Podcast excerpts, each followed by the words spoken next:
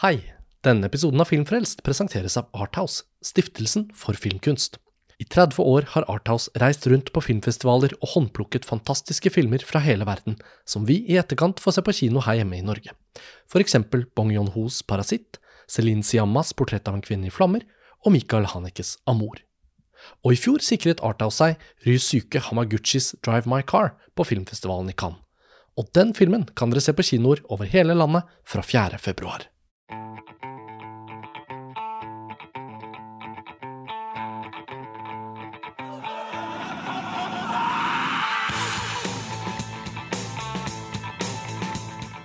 Hei og velkommen til en ny episode av Filmfrelst, podkasten fra filmtidsskriftet montasj.no. Mitt navn er Karsten Meinick, og vi har kommet frem til den aller siste dagen av Tromsø internasjonale filmfestival 2022. Og vi her i Montasj har fulgt festivalløpet gjennom uka, sett mye forskjellig type film, og tenkte vi kunne avslutte med en episode der vi snakker om en del ulike titler vi har sett. Snakke litt om hvilke filmer som vant prisene, og kanskje se litt tilbake på hvordan uka har gått, og hvordan type festival dette ble. Og med meg til å snakke om det, så har jeg jo Live Øra Danielsen. Hei. Hei, Live. Lars Ole Kristiansen. Hallo. Og Roskva Karitsinski. Hei. Så vi har jo vært her mesteparten av uka alle sammen, og um, jeg vet jo at vi har sett en del av de samme filmene, men også en del forskjellige ting som har vært ulike typer oppdagelser. Og Roskva, jeg tenkte på det at juryen til Aurora-prisen, som jo er filmfestivalens uh, liksom, hovedpris, de gikk for uh, en film du har sett, men som ingen av oss andre har sett. Brasiliansk film som heter Medusa. Så uh, av alle steder å starte tenkte jeg kunne være naturlig å, å starte da med årets Aurora-prisvinner. Hva slags film er dette? Uh, det er en uh, film som rent sånn på overflaten handler om en gruppe unge jenter i Brasil som er medlemmer av et sånt kristent fellesskap. kan minne litt om 'Disko', den norske filmen som kom for et par Ja. år siden. Eh, både egentlig i formspråk og tematikk, men er en sånn type menighet de er en del av. Eh, og på nattestid så tar de på seg masker. De er sånn syv-åtte jenter kanskje i slutten av tenårene, starten av 20-årene, som da går rundt i, i gatene i byen og på jakt etter jenter som har eh, oppført seg usømmelig på en eller annen måte, da.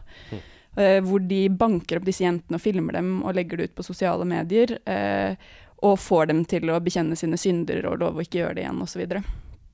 Eh, og så følger filmen særlig en av disse jentene, lederen på en eller annen måte for denne flokken, eh, og hennes reise hvor hun får noen erfaringer med kjærlighet f.eks., som gjør at hun må revurdere sitt veldig moralistiske syn og sine ganske grusomme handlinger da, som hun utfører mot andre jenter. Hmm. Eh, og da høres det ut som en veldig sånn lineær fortelling, men i formspråket så er den veldig eh, splintra på en eller annen måte. Altså sånn, det er mange sånn drømmeaktige sekvenser. Det er litt uklart hva som faktisk skjer, og hva som heller er bilder på en indre reise. Eh, en del sånn fantastiske ting som foregår. Altså, Juryen som delte ut prisen, de beskrev bl.a. Liksom arbeidet til hun filmskaperen som en energetic, fearless and artistically courageous work. Um, hun heter Anita Roja da Silveira. Jeg har sett byfilmen hennes. Ja! 'Mate med por favor' eller 'Kill me please', som ble vist under Film fra sør for noen år siden, og den var veldig bra. Ja, fordi det visste jeg nemlig. Og Brasil og latinamerikansk film kan jo ofte bli stående all den tid vi i all hovedsak ser festivalfilmer derfra. Men de store blockbusterne i de separate landene reiser jo som regel ikke rundt omkring i, i Europa f.eks. på festivaler og sånn. Men eh, da får man jo et litt inntrykk av at det kan være mye sånn stillegående neorealisme, på en måte, i ulike grader av vellykkethet eh, fra ulike latinamerikanske land. Og er det meksikansk, så er det ofte noe gang violence involvert. Nesten alltid. Eh, Vil du si at denne filmen skiller seg fra det du har sett av ulike typer sånn latinamerikansk film? At den har noen litt annen approach, eller? Ja, den passer i hvert fall ikke inn i den beskrivelsen du gir nå. Altså, som sagt så er den veldig eh, leken i formspråket. Eh, veldig mye farger. Jeg nevnte disko. Det er som sagt ikke bare fortellingen eller miljøskildringen, men også liksom tenke på de der diskolysene i den eh, menigheten som den filmen utspiller seg i. Det er på en måte litt den koloritten hele filmen er fargelagt i. Veldig masse sterke neonfarger. Og som sagt veldig mange sånn brudd i narrativet, hvor personene snakker inn i kamera. Så den er veldig sånn assosiativt bygd opp, mer enn at den følger en sånn stringent eh, struktur, da. Det var jo en veldig sterk hovedkonkurranse på TIFF i år, så jeg tenkte sånn Oi, det er, kampen om Aurora-prisen i år blir jo egentlig litt hard. Fordi sånn, en film som Red Rocket, som vi snakket om her om dagen på Filmfrelst, og, og andre bra titler, var jo i Sheriff of konkurransen. Given, Bergman Island Nettopp. Så ble du overrasket over at det var Medusa som vant, eller tenkte du yes, det var min favoritt? Nei, jeg ble overrasket fordi jeg har ikke sett alle filmene i, i hovedkonkurransen, men jeg har jo sett uh, en del av dem, og jeg syns ikke dette er den sterkeste filmen. Altså sånn, jeg setter pris på at den har blitt laget. Altså den er helt åpenbart eh, mye sånn kreativt overskudd og en vilje til å si noe om unge kvinners eh, stilling i visse typer miljøer og et samfunn og bla, bla, bla. Eh, og det har jo en verdi, og så syns jeg det er kult at hun hun går skikkelig langt i å tørre å prøve på et eller annet som ikke ligner på så mye annet. Mm. Men jeg syns også at eh, filmen på en eller annen måte også føles mer som et forsøk enn som et fullendt kunstnerisk verk. At det, det blir noe litt fikst over dette veldig eksperimentelle formspråket. Det kjennes ikke helt organisk ut. Og jeg tenker at symbolbruk, både i film og litteratur, for meg i hvert fall er på sitt sterkeste når du kjenner at det symbolet liksom er noe som ikke lar seg uttømme. Det virker i kroppen din. Eh, det er ikke bare et, liksom, en intellektuell øvelse å fortolke det. Mens jeg opplever nok mer at symbolene i denne filmen er veldig sånn illustrasjoner på noe som egentlig ganske enkelt lar seg si med to setninger. Da. Og sånn sett så mangler, mangler liksom billedspråket og dermed også kanskje filmen egentlig en reell dybde. Da. Eh, eh, men, men den har absolutt noen kvaliteter. Eh, det er ikke sånn at jeg blir provosert nødvendigvis over at den vinner, men, men jeg, man kan vel få en følelse at det kanskje er tematikk eh, som har gjort at man har endt opp med å, å velge den filmen framfor en del av de andre filmene i programmet. Da. Spennende. Da er jo i hvert fall Medusa en tittel å ta med seg som en mulig film å få sett ved en annen anledning. Um, I hovedkonkurransen Livet så har jo både du og jeg sett en tre og en halv time lang tysk dokumentar om en ungdomsskoleklasse. Ja. Og den pitchen burde jo få enhver person til å løpe til kinoene. Um, men under filmfestivaler som dette så føles det ut som en sånn type programmering. Man blir nysgjerrig. Og mm. den ble vist på Berlinalen i fjor, som jo ble arrangert digitalt, men det kom likevel veldig mye bra uh, omtale og positiv kritikk rundt den filmen. Og um, jeg tror uh, det var noe med det premisset som også tiltrakk meg litt. Jeg husker selvfølgelig godt den franske filmen som het 'Å være og ha', som faktisk jeg så her i Tromsø for gud vet, 15 år siden. Um, som var en veldig vakker og, og tankevekkende film som fulgte en lærer med sine Han var lærer for veldig små barn. da. Og bare det å se læreryrket, se den dialogen, se pedagogikk i praksis, det har noe veldig sånn gripende over seg når det er gjort på en sånn observerende måte, som det også er her, da. Uh, hva vil du si liksom om, om filmens liksom eh, approach til dette miljøet? Følger jo denne ungdomsskoleklassen i omtrent et skoleår, da. ja, filmen heter 'Mr. Backman and His Class', og følger en, um, en klasse med Hvor gamle tror du de er? 12, eller noe sånt? 12-13. Jeg er vel en som fyller 14 der på et tidspunkt, kanskje. ja. Ja, Men de, er, de ser ikke ut som alle er eksakt samme alder. heller. Nei, de er liksom ikke akkurat ungdommer, de er ikke akkurat barn. De er et sted midt mellom der, med alt det innebærer. Og de er vel alle sammen Altså, dette er jo en tysk by, som jeg ikke husker hva heter. Nei, jeg, jeg tenkte underveis i filmen Jeg må prøve å huske hva den heter, sånn at jeg kan se på kartet hvor den lå. Ja. Men det var jo en sånn ingenmannslandaktig Litt tysk sånn by. industri Mm. Mye sånn eh, fabrikkpiper og veldig lite skjønnhet, egentlig, da, ut ifra hva jeg kunne se. Men um, de fleste, eller alle, samtlige av ungene i denne klassen er uh, ikke tyske. Altså de, enten så har de kommet flyttende til Tyskland uh, i løpet av det unge livet sitt, eller så har de foreldre som gjorde det samme for å komme og jobbe i denne byen. Um, så det er, det er forskjellige grader av sp- ja, vansker med det tyske språk, eh, med integrering, med sånne ting. Men det er òg en, en klasse med veldig tiltalende personligheter. Mm. Du blir veldig grepet. Dette så, vi så jo denne filmen uh, i går, altså på festivalens nest siste dag, og tårene rant altså i tre og en halv time. Det var en veldig sterk opplevelse. Mm. Som du sier, så er det noe veldig rørende med å se læreryrket spille seg ut, for det er jo så mye mer enn bare en jobb. Det er jo du er jo lærer i friminuttene, du er lærer når du kommer hjem. Du, det er liksom et eh, Altså, det, det er det store moralske ansvaret. Mm. Og denne læreren, da, Mr. Backman, som har en sånn Han har noe sånn litt forslitt ved seg. Han, han kler seg på en måte ikke eh, som Han De kan ha vært hippie da han var ung, på en måte. Han kan ha vært, og han var nok òg Et par plagg. Han har en sånn ACDC-T-skjorte oppå en sånn grå hettegenser i den første sekvensen av filmen. Man ser jo lett hvor mye de har filmet per dag, for det er jo da ganske langt parti eh, med den. Så har han noen ulike sånne, sånne greie luer, og så Ja. har han sånn absolutt helgrått skjegg. Ja. Mistet det mesteparten av håret. Og så fremkommer det på et tidspunkt at han nærmer seg 65. Så han er på en måte ikke blitt pensjonist ennå, men dette er nok den siste runden. Ja, og så var han sjøl en litt sånn utilpass eh, fyr på skolen. Altså han, han så Han sleit litt med å stå på prøver. Og altså han, han har nok en um, Han kjenner nok litt til hva det vil si å være et ungt menneske som ikke briljerer. Mm, mm. Og så løser han det å være lærer på en så utrolig rørende måte. Fordi han bruker liksom de redskapene som han har. Det er liksom musikk, det er mye lek. Eh, Det er noen helt fantastiske diskusjoner som han klarer å ha med disse barna. For han ber de, hver gang det stopper opp, hver gang de kommer til et punkt hvor, de, hvor liksom det kun er en fordom som står igjen, f.eks. når det er snakk om ekteskap mellom homofile eller den slags tematikker, så, så lytter han til dem, og så ber han de bare forklare. Ja, men hvorfor er det ekkelt? Hvorfor er det Så dette er liksom hans um, han, Det er veldig mye respekt, og han, se, det er liksom det å, han ser hver og en av disse små menneskene. Og det er jo noen scener, det er noen foreldresamtaler som er så forferdelig å sitte gjennom, fordi det er jo ikke en mørk film i det hele tatt. Det er bare, det er bare sånne små glimt av en hverdag som, Mm. som sier så mye da, om, om hvordan det er å være barn i, det, i dette miljøet. Ja, jeg tenkte veldig mye på det ordet du sa der. Altså hverdag. Uh, man kan jo bli sånn avskrekket når en film er tre og en halv time lang. Så tenker man liksom å gud, klarer jeg det og sånn. Så er jo tilfellet med denne filmen at den bare flyter av gårde. uh, og er helt, eh, helt perfekt lang, på en måte. Men hvis man skal gjøre en film som dette, så kan den på en måte ikke ta snarveier. Og det er det at filmen er i stand til, og villig til, å la hverdagen være driven. Så det er ingen sånne veldig store dramatiske høydepunkter. Det er ingen sånne ekstreme karakterer eller eh, konflikter som er uløselige, som skaper spenning og Egentlig er det helt autentisk, realistisk hverdag med noenlunde dramatiske små livshistorier. Akkurat slik som man forventer å finne hvis man bare ringer rundt til ti venner og spør hvordan går det med deg for tiden. Så får du sånne små Jo, nei, vi strever litt med det, eller vi holder på med litt med det. Og f.eks. en av de foreldresamtalene du sikter til, da, hvor um, en jente som Bachmann forteller henne at du har jo blomstret skikkelig. Da du kom her, så var du som liksom en sånn snegle som ikke klarte å si noe. Og nå rekker du jo hopp på hånden i hvert fall én gang om dagen. Det er jo så flott å se. Og så ser man at hun er veldig stolt og er helt enig med han. 'Jeg har det veldig bra her', sier hun.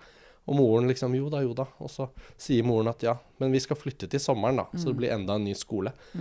Og da bare Jeg bare kjente at jeg, bare, jeg visste ikke hvor mye jeg brydde meg om henne før det plutselig kom.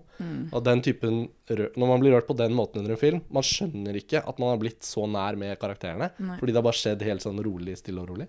Um, så dette er jo på en måte dokumentar av den sjangeren på sitt beste, da. Jeg føler jo litt at den er i liksom Frederick Wiseman-landskap. Definitivt. Mm. Uh, Og det er jo fantastisk at det kommer en ny filmskaper som Nå er ikke helt ny, da, Maria Spet, men Wiseman, sånn som mm, den uh, New York Public Library-filmen, da. Der er det jo veldig stor mengde rollefigurer og scener og sånn, mye mer enn her. Men det er også en sånn film hvor jeg føler at det er etter alle de hverdagslige scenene av bruken av det biblioteket, hvor du Ja. plutselig får en sånn voldsom følelse av å bli engasjert. Ja, og så blir alle sett. Sant? Det er ikke Mm. den som snakker høyest, som, som får liksom eh, kameratid, holdt jeg på å si. Det, alle blir liksom En interesserer seg for til og med de som ikke sier et ord, til og med de som liksom ikke eh, snakker med de andre barna. Og det er liksom noe med den der Sånn var det jo å gå i klasse. Sant? Det, det er noen som snakker høyere enn andre, det er noen som lager eh, gjør ugagn og sånne ting, men det, er, men det er bare en sånn fin skildring av en klasse med barn. Og jeg, jeg må bare si dette er en film jeg virkelig anbefaler Ja. eh, de fleste å se. Den er ikke egentlig en film som en måte er smal eller rar eller utilgjengelig. Tvert imot. Og om ikke på kino i Norge, så kunne man jo håpe og drømme om at en sånn film som dette hentes inn av NRK, og til og med kunne bli vist i særlig lærerutdanning, kunne jeg tenke meg. At det ikke nødvendigvis får barn, for det er sikkert vanskelig for dem å se seg selv i de Eller sånn. Det er ikke sikkert den funker like godt der. Og det var jo mest voksne i salen. Men å tenke på liksom, hvordan kan en lærerutdanning artikulere for lærere hvordan lærerhverdagen kan være, og hvilke tips og triks som kanskje ikke fins i lærebøkene, men som fins der når du ser det. da, I en slags praksis i form av film. Så den, ja, nei, Og den fikk jo Fipreske-juryens pris, da. De, de kritikerne som har eh, samlet seg i en jury for å dele ut den prisen. Og eh, ja, Jeg bare får håpe at den skal programmeres inn på andre festivaler og sånn i Norge etter hvert. Jeg syns den var fantastisk. Vi måtte ta ordet litt, Lars Ole og Roskva, for å få snakket om denne, for den var det bare vi to som hadde sett. Høres jo ut som en helt uh, fantastisk eh, dokumentar, da. Ja. Får eh, Men jeg lyst vet til å se den med en gang. Ja. Vet at det er noe som sikkert eh, Tror du kommer kommer til å bli helt knekt av. veldig godt, ja. Mm. Men alle dere tre har jo også sett en film som uh, vi gikk glipp av i Venezia, Lars Ole. 'Happening', som vant Gulløven. Og jeg tenkte det kunne jo vært en fin film å få tatt en liten runde på, fordi den skal jo også opp på norske kinoer etter hvert. Og var mange i Tromsø denne uka som nevnte det som en av sine favoritter. Uh, 'Happening', eh, hva slags uh, film er dette? Det er også en periodefilm, er det ikke det? Fransk film satt til 60-tallet? 60-tallet, ja. Ja. Uh, ja, det er kort fortalt en film basert på en eh, roman av den franske forfatteren Annie Ernaux. Hun er jo veldig kjent for uh, å være en sånn gallionsfigur for denne autofiksjonstrenden, som noen liker å kalle det. Jeg skal ikke gå inn på den diskusjonen. Men, uh, men i hvert fall så er dette en film uh, som er basert på eh, noen erfaringer hun hadde eh, som ung hvor eh, hovedpersonen i filmen, som jeg ikke husker hva heter, eh, blir gravid. Og så følger vi henne i de 12-13 ukene, tror jeg det er, fram til hun omsider får tatt abort. Og på dette tidspunktet her så er jo det å ta abort i Frankrike ikke bare forbudt, men sånn strengt forbudt. Du får fengselsstraff eh, hvis du er involvert i den prosessen på en eller annen måte. Du trenger ikke å være den som tar abort engang, men hvis du vet om det og ikke rapporterer osv., så, videre, så straffes du for det. Så denne unge, ambisiøse universitetsstudenten, er, eller om hun skal begynne på universitetet, eller om hun går på universitetet, er jeg usikker på. Men hun eh, oppdager i hvert fall at hun er gravid, og skjønner veldig raskt at dette uh, verken kan jeg eller vil jeg uh, være med på. Mm. Hva gjør jeg nå? Uh, og så er det en skildring av uh, hennes prosess da, mot å få tatt en abort. Jeg har ganske nylig lest boka, så jeg hadde den veldig frist i minnet når jeg så den filmen. Og det har alltid slått meg at Anja nå er en vanskelig uh, forfatter å filmatisere på en tro måte. Fordi hun, hun sitter alltid i en slags sånn nåtid som er den tida hun skriver boka i, og så tenker tilbake på en fortid. Så det er veldig mye basert rundt minner. Jeg føler liksom at hennes litterære prosjekt er å komme veldig nært sannheten om hva en opplevde, og prøve å gjengi det i skrift. Så det er en veldig, hva skal jeg si, hun er en veldig skriftlig forfatter på mange måter, og så er det her um, de to instansene, da, eh, skrive, den skrivende forfatteren og det hun forteller, som det er et mellomrom mellom. Eh, Det kunne jo blitt løst på helt forferdelige måter, egentlig. Du kunne hatt en voiceover, du kunne hatt en rammehistorie, du kunne hatt mange forskjellige ting. Men det denne filmen heller gjør, er å prøve å sette deg inn i den tida, da, og gjøre det Det er en veldig sanselig film. Den er vakkert skutt. Uh, den er veldig, hva skal jeg si, jeg har lyst til å si sånn diskré fortalt på et eller annet vis. Det er veldig sånn realistisk skuespill. Og jeg syns det var en helt fantastisk film. Jeg syns det var en utrolig vellykka uh, filmatisering av Anja nå, på mange måter, fordi den nettopp uh, deler det som jeg føler er hennes prosjekt, litt særlig i den boka, da, som er å skrive fram en sånn kvinnelig erfaring. Det fikk meg til å tenke på Celine Sciamma og 'Portrett av en kvinne i flammer', f.eks. Hvor det er veldig mye Det er en abortscene i den filmen som, som etterpå blir til et maleri. Og det er liksom noe med å avbilde disse store kvinnelige erfaringene i kunst, som, som er en del av boka sitt prosjekt, og som òg blir en del av filmen sin prosjekt. fordi at den, det er noen helt forferdelige abortscener i denne filmen, og forsøk på abort. og du får liksom vondt langt oppi innvollene av å se på. Uh, men kameraet bare den, den lar det skje, og det føles som en helt et helt nødvendig grep da, for å klare å gjennomføre dette her. Ja, og der tenker jeg at den skiller seg litt fra noen lignende filmer, ved at den ikke liksom bikker over i litt nesten sånn horror. Eh, den gjør det ikke unødvendig kaldt og brutalt, eh, men veldig kroppslig. absolutt. Og kameraet ligger så tett på henne hele veien. Jeg var veldig imponert over måten den var regissert på. Jeg tenker at dette her er en regissør det blir veldig spennende å følge Mm. eh, framover. Hun, Audrey Divan hadde jo laget noe før, men det blir jo også omtalt som et stort gjennombrudd i Frankrike. Ikke minst fordi hun vant Gulløven, men også fordi filmen har fått veldig mye oppmerksomhet der. Og hun hovedrolleinnehaveren, um, Anna Maria Vartolomei Nå bare fant jeg fram navnet her, jeg har jo ikke sett filmen. Men det virker jo som det er mange nye, på en måte spennende Ja, hun er veldig god, syns jeg. Mm. Eh, jeg syns av og til man kan merke at hun kanskje ikke har et veldig stort register. Eh, Mm.